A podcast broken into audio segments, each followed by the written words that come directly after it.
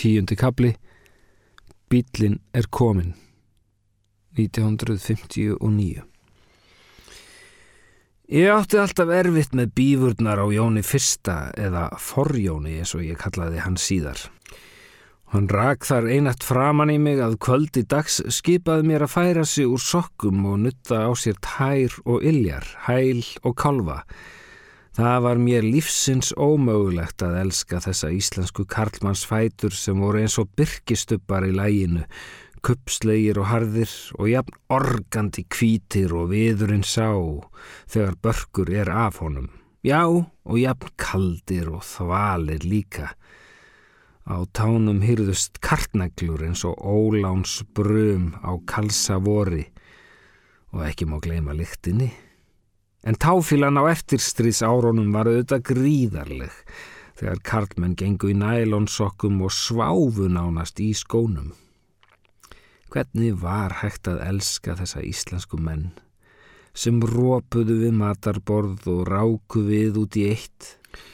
Eftir fjóra íslenska eiginmenn og enn fleiri sambúðarjálka var ég orðin en vrai connoisseur í viðrækstri og gatt orðið greint tegundir hans og afbreyði eins og vinsmakkari veigar.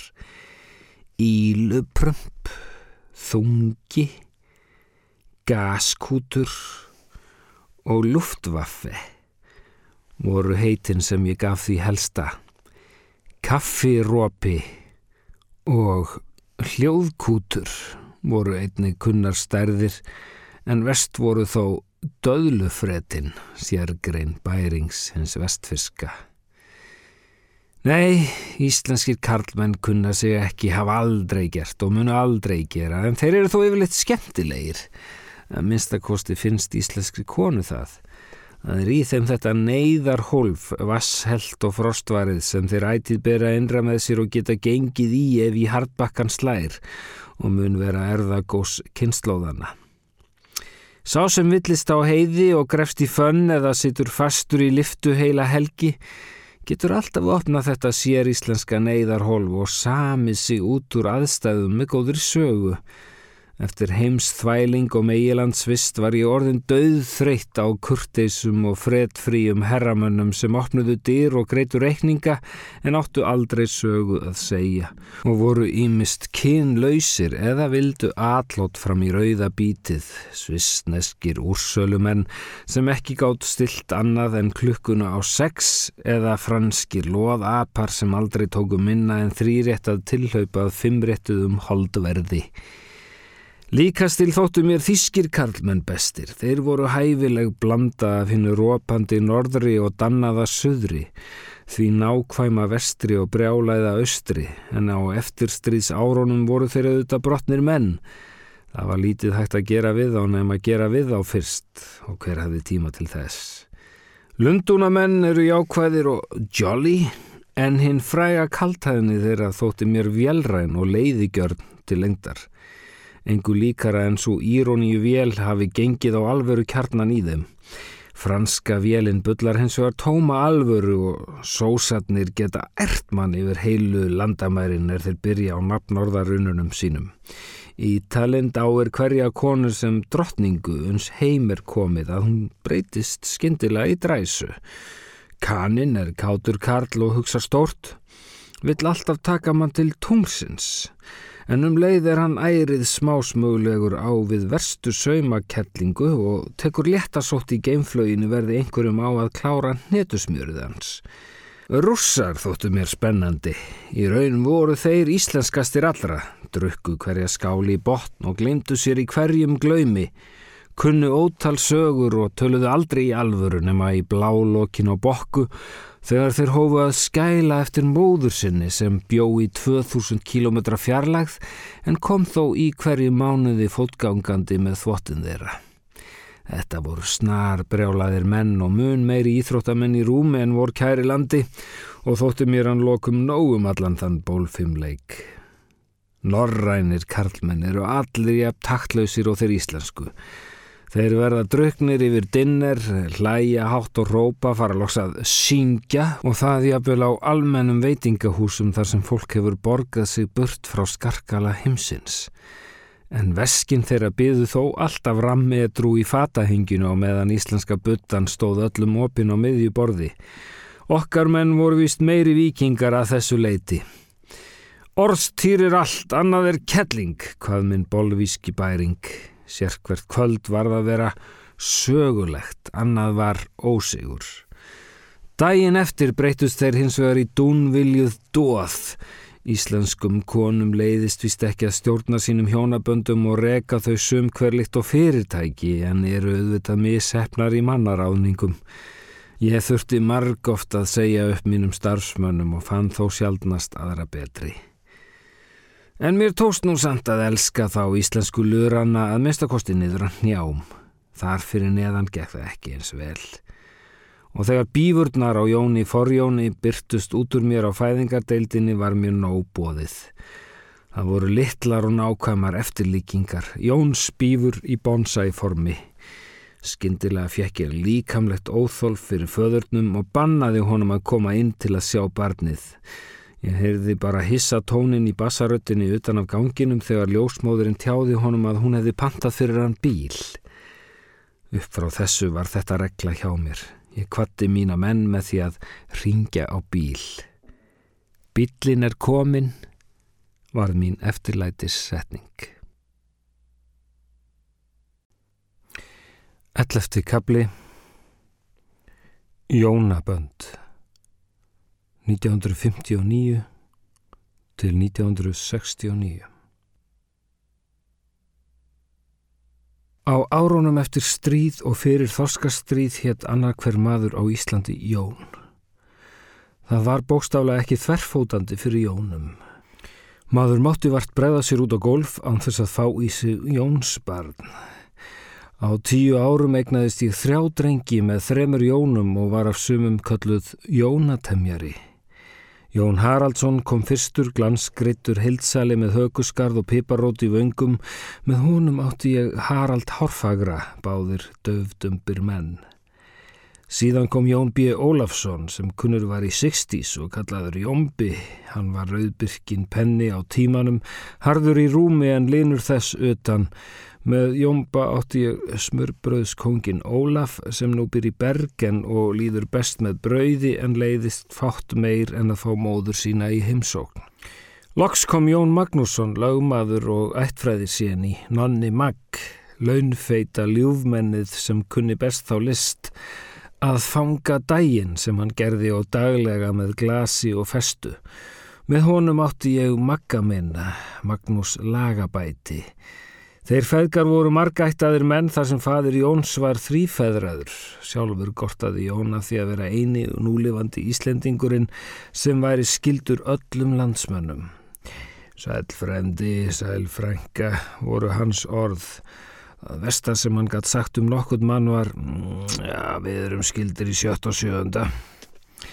Til hægðarauka kalla ég Jónana mína Forjón, Miðjón og Síðjón. Tólti kabli Gróse fræhætt 1960 Og svo var það friðjón. Eftir að ég hefði pantað bílinn fyrir forjón dreif ég mig út til Hamburgar og dvaldi þar í tvö ár að mig minnir. Ég var enn of ung fyrir íslenskan hverstak og þurfti að súpa betur af lífinu áður en ég sætti mig við barnadauðan En það vita konur að um leið og börnin fæðast deyja þær sjálfar. Ég hafi reyndar áður átt barn og neitað að deyja fyrir það heldur háldið áfram að lifa sem voru lífsins mistök. Þau ætlaði ég ekki að endur taka. En eftir sex mánuði hafði ég fengið nóg af því að ruttast ein með barnavagnu bankastrætið í rákast littu af norðri. Ég var ekki gerð fyrir grámann. Són minn nýfættan skildi ég eftir hjá Johnson og Mutter á Bræðraborgastignum en mamma var þá komin inn í þessa volgu og hlýju kaffiætt. Hún bjó með Fridriki Johnson í 17 ára meðan pappi tálkaði niður hakakrossin sem hann hafði með sér heim úr stríðinu. Þetta var síðasta tilraun mín til að gera eitthvað úr mér. Ég stóð á þrítugu og hafði ekkert lært í lífinu annað en handera handsprengjur og dansa tango. Í Hamburg hugðist ég að læra ljósmyndun. Ég hafði alltaf haft unun af því að teikna og í New York opnaði Bob mér glufu inn í heim þessara nýju listgreinar. Fadir hans átti orginal mynd eftir Man Ray og bækur með verkum Bresson og Brassai sem fönguðu augumilikt og prentsvartar klær. Ég var alltaf hrypnari af augnabliksmyndum en uppstillingum. Síðar var ég svo hugfangin af Lee Miller, engum ljósmyndum hennar úr setna stríði. Heima var hins vegar fátt um fína drætti nema kaldall, en ég gerði mitt besta til að fylgjast með og kifti stundum Vogue og Life magasín þegar þau fengust. Og pappi sagði að ef ég hefði talent fyrir einhverju, líti það að vera list augnabliksins. Ég hafði staldra við í Hansaborginni im Kríktsæt. Þá var þar allt einn rúst en nú var allt orðið reynd og fínt. Miklir uppgangsmenn þjóðverjar. Hins vegar var þarna húsnæðis ekla og eftir skamma leit gerðist ég mittfermítar í sjansakverfi eða sjansenfyrtul. Ég leiði þar með þískri stúlku og franskri vinkona hennar Josephine að nafni þær voru nú öllu yngri en ég, hressar stúlkur sem tóku nóttina snemma og daginn seint. Engu að síður sogaðist ég með þeim inn í skemmtanalífið og í minningunni er Hamburgardvölin ansi rökkvuð. Ég ráfaði millir miðnætur lífs og myrkraherbergis.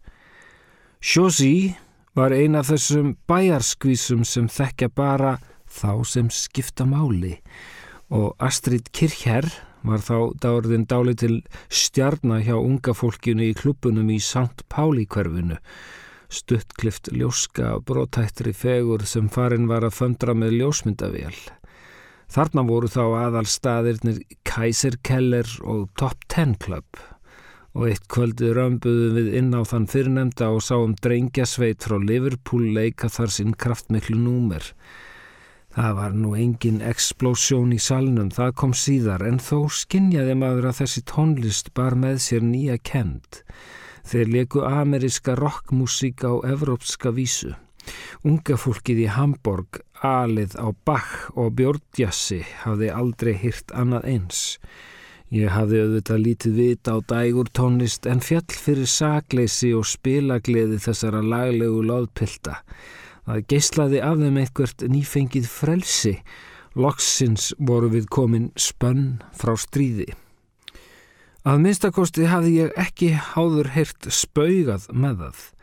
Í miðjum tónleik snýri fyrirliðin sér út í sal og sagði Halló káleisar, þið vitið að við unum stríðið? Þeir hlóðu nú ekki. Í þá daga skildi engin ennsku í Evrópu. Útbreyslu menn hennar hafðu enn ekki fengið hljómplötusamning. En örlögin voru svo sannlega í essinu sínu er þau tóku það upp hjá sér að varpa fjórum afsprengjum Bretlands niður í Hamburg eftir stríð í sárabætur fyrir linnulöysar loftárásir stríðsáranna og letu þær sprengja þar hljóðhimnur og skala og utan af sér alla ramma Die Große Freiheit hitt gatan. Þeir spiluðu þarna 8 tíma vaktir, 8 days a week og einhver stað að las ég að einmitt þess vegna hefðu þeir náð sínum gæðum og hæðum. Þeim var haldið vel að verki.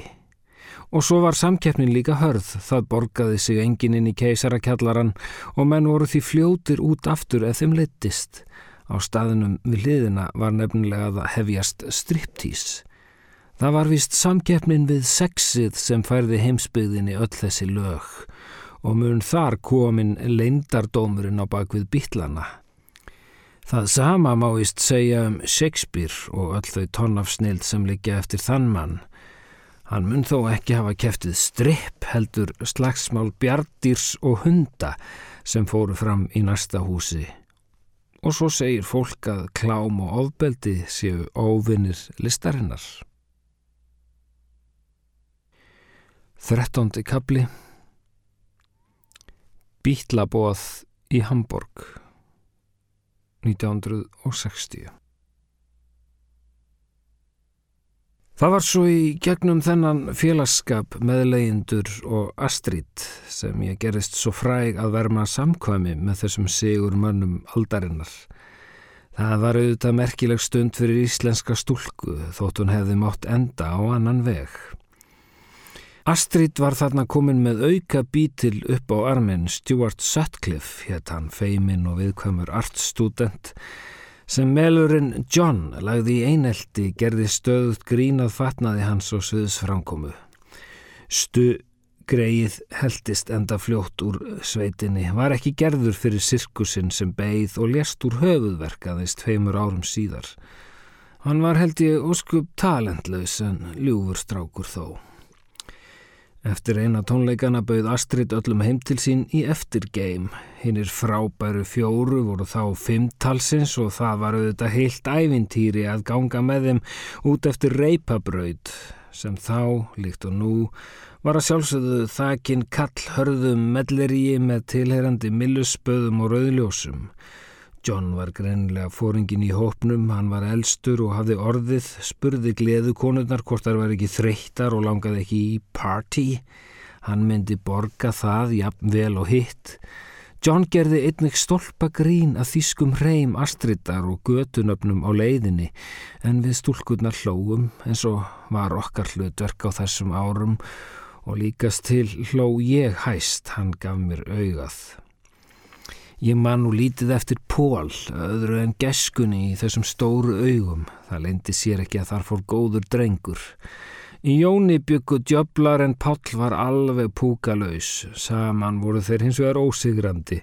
John var beittur og stakk til blóðs en Pól söng saman sárin. Astrid var hansi tviggileg týpa. Hún hafði málað herbyrgi sitt í svörtu, kvítu og silfurlitu en úr loftinu hengur hríslur löflausar. Það var nú á mörgum þess sem ég gætt þólað í tildri. En þarna voru drikkir og tónlist, gamlar plattersplötur að mig minnir og Nat King Cole.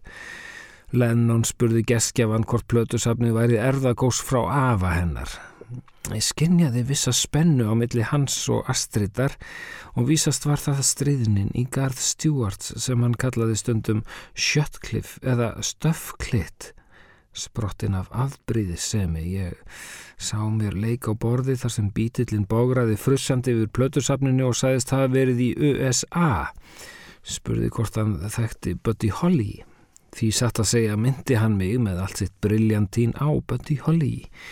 Þetta reyndist vera töfra orðið því nú hóf hann að þölspyrja mig um Buddy Holly sem ég vissi þó ekkert um annað en hann var í dáin en ísin var brotin og fyrir en varði vorum við John farin að dansa þótt hann segðist aldrei dansa. Engur slökti ljósinn, þeir platters sungu okkur inn í vangadans og fyrir en varði var breyðfyrsk stúlkan komin á kaf í Bítlakoss. Manneskja fætt á 19. öld komin á kafi þá 20. Ég sá það fyrst síðar að þetta var auðvitað merkis atbörður í Íslandsögunni en þó þess eðlis að ekki var frá honum segjandi. Ég gætt ómulega séð það fyrir mér í öldinni okkar, kisti í breskan bítil í Hamburg. Á sama tíma var þetta líka svo lítilfjöllett að það tók því vart að segja frá því. Eitt dans, eitt koss Mér líður sjálfsagt eins og stúlkunni sem kisti Jésu áður en hann átti sitt mikla gennembrúð og bar sitt happ í hljóði. Jável eftir að ættingar hennar á gamals aldrei hófuð að tilbyðja þann mann sem Guð. Síðasti maðurinn minn, hann bæring, hengtaði reyndar að ég segði frá þessus korsastandi í vikunni eða öðru viðlíka bladi fannst þetta stórmerkilegt alveg en ég þver tók fyrir það jáfnvel eftir andlát Johns fannst það of gljápíulegt eins og mamma hefði sagt. Ég hef hann þó með í jónasafninu mínu sem Friðjón. Þó var hann engin friðarengill að laða sig síðar. Viður kendi sjálfur að allt hans mikla friðarstand væri tilkomið vegna ófriðarins í honum sjálfum og gegst við því að hafa slegið til kvenna. En það er viss svona hugssjóna fólkið alltaf með ekkert söðupottin á hellunni heima. En þótt hann væri ungur þarna hafði hann húmor á við Roskin Sækarl, geyslaði af sjálfsörgi og var tröll sjarmirandi auðvitað, kisti dá vel og spurði svo hvort brettar myndu ekki við líka vinna þjóðverja í kossastríði en hváði þegar ég saðist vera íslensk. Ah, svo þessan er mér svona kallt. Uh, er þið kallt? Nei, klotti hann, ég er líka frá Íslandi. Ha, frá Íslandi? Já, það er það sem Mimi kallar herbyggi mitt, Iceland.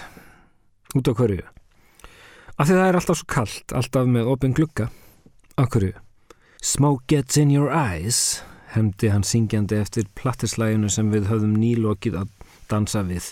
Mimi vill ekki að ég reiki. Hver er Mimi?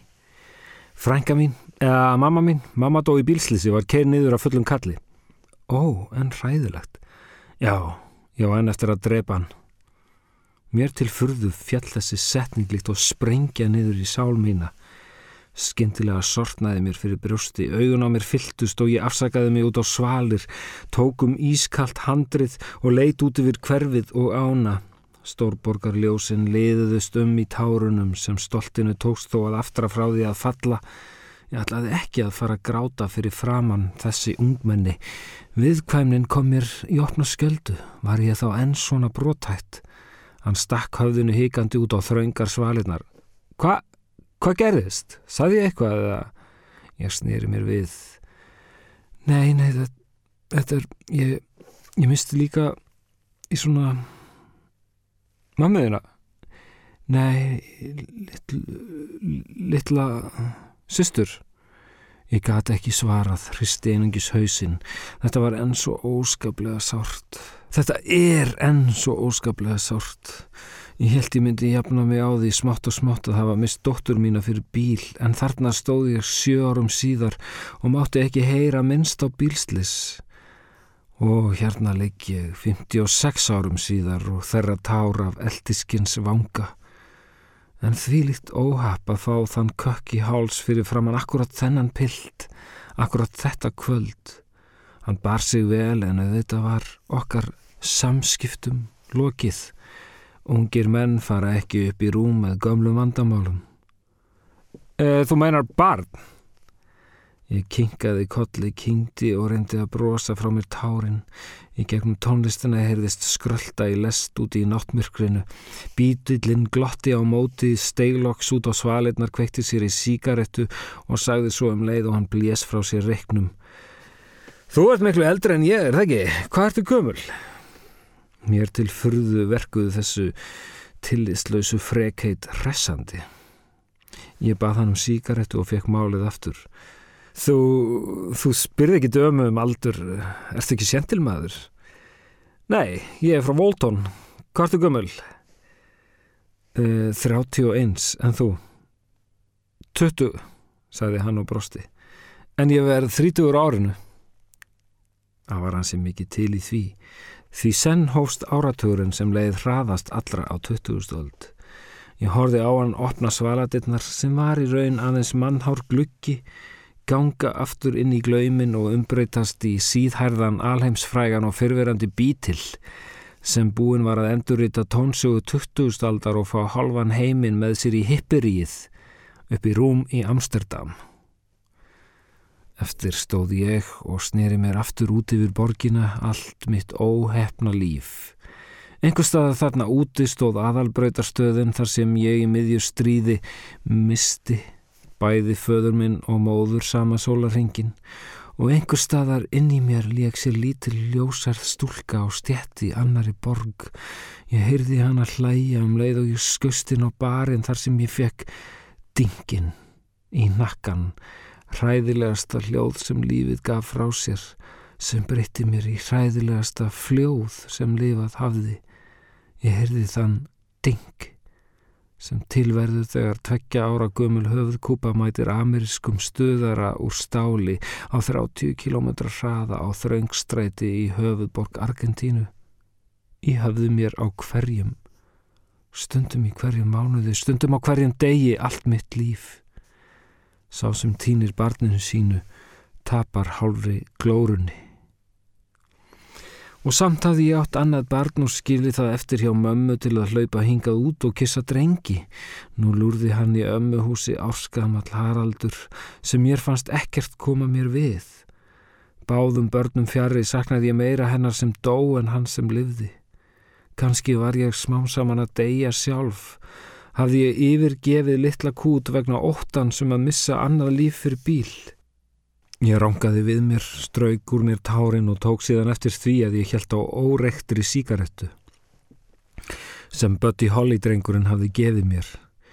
Ég leitaði í pilsvösunum eftir eldstokki án árangurs en netti ekki inn strax og lit vindlingin falla niður á götuna. Ég sé það nú er ég ligg hér lagföst og orna mér við þá frostköldu friðarsúlu að ég hefði betur geimt þessa rettu úr pakka Lennons órektan staud til minnis um það sem hefði geta orðið. Þá gæti ég nú selt hana á samt einum blöytum bílakossi á eBay og látið hugulegja bílskúrin fyrir ágóðan, setja hér inn möbler og tapett og þann fræga flatskjá með einn tómum bíómyndum byggðum á æfiminni.